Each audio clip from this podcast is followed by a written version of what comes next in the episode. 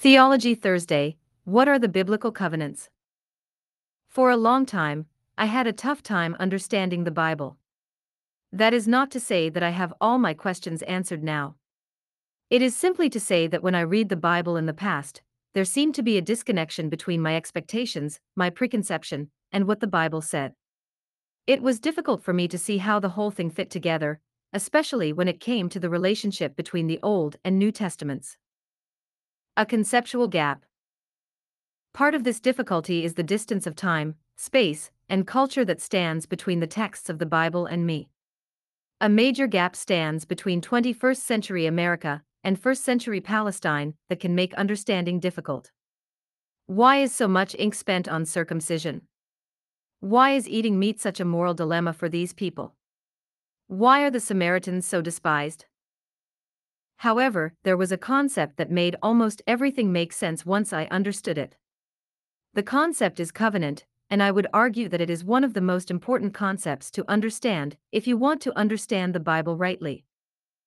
The concept of covenant. A covenant in the ancient world was similar to what we in the modern world would call a contract, treaty, or a will. Each covenant established the basis of a relationship, conditions for that relationship, promises and conditions of the relationship, and consequences if those conditions were unmet. One of the most familiar examples of a covenant for us is marriage.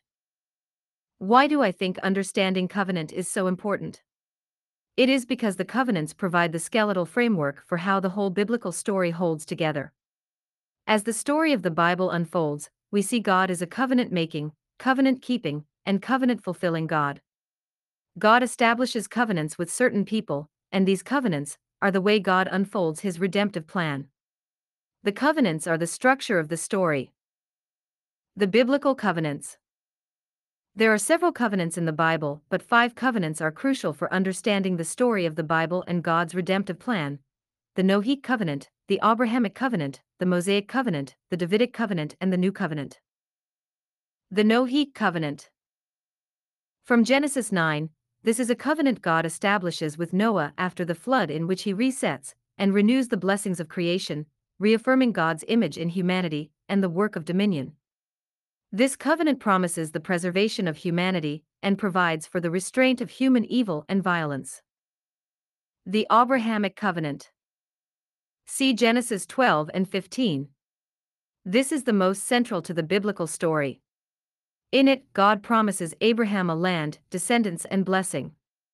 This blessing promised to Abraham would extend through him to all the peoples of the earth.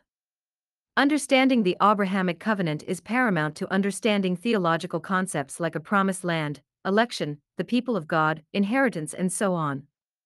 It provides context for understanding practices like circumcision, conflicts with surrounding nations, and divisions between Jews and Gentiles. The Mosaic Covenant. See Exodus 19 and 24. This is the covenant God establishes with the people of Israel at Mt. Sinai after he led them out of Egyptian slavery. With it, God supplies the law that is meant to govern and shape the people of Israel in the promised land.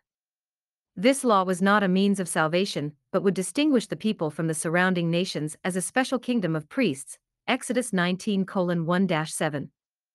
This covenant was conditional and defined blessings and curses based on obedience or disobedience. See Deuteronomy 28 29. Understanding the Mosaic covenant is foundational to understanding the cycles of blessing and curse in the Old Testament, the exiles of Israel and Judah, the disputes between Jesus and the Pharisees, and Paul's pastoral teachings about law and grace. The Davidic covenant. See 2 Samuel 7. This is the covenant where God promises a descendant of David to reign on the throne over the people of God. It is a continuation of the earlier covenants in that it promises a Davidic king, as the figure through whom God would secure the promises of land, descendants, and blessing.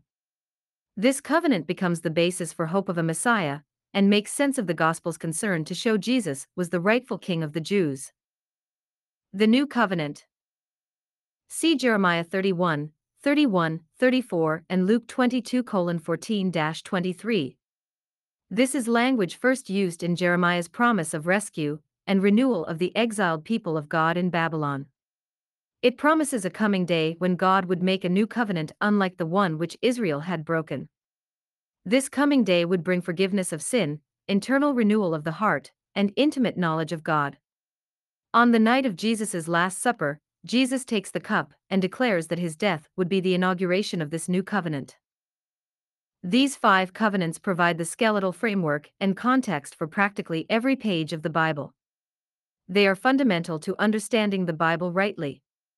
The Old Testament covenants establish promises that look forward to fulfillment.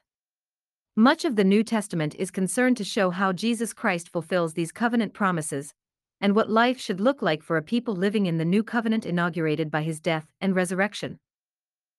Hopefully, this brief explanation of the biblical covenants will be a starting point to help you move toward greater understanding of the Bible as it did for me.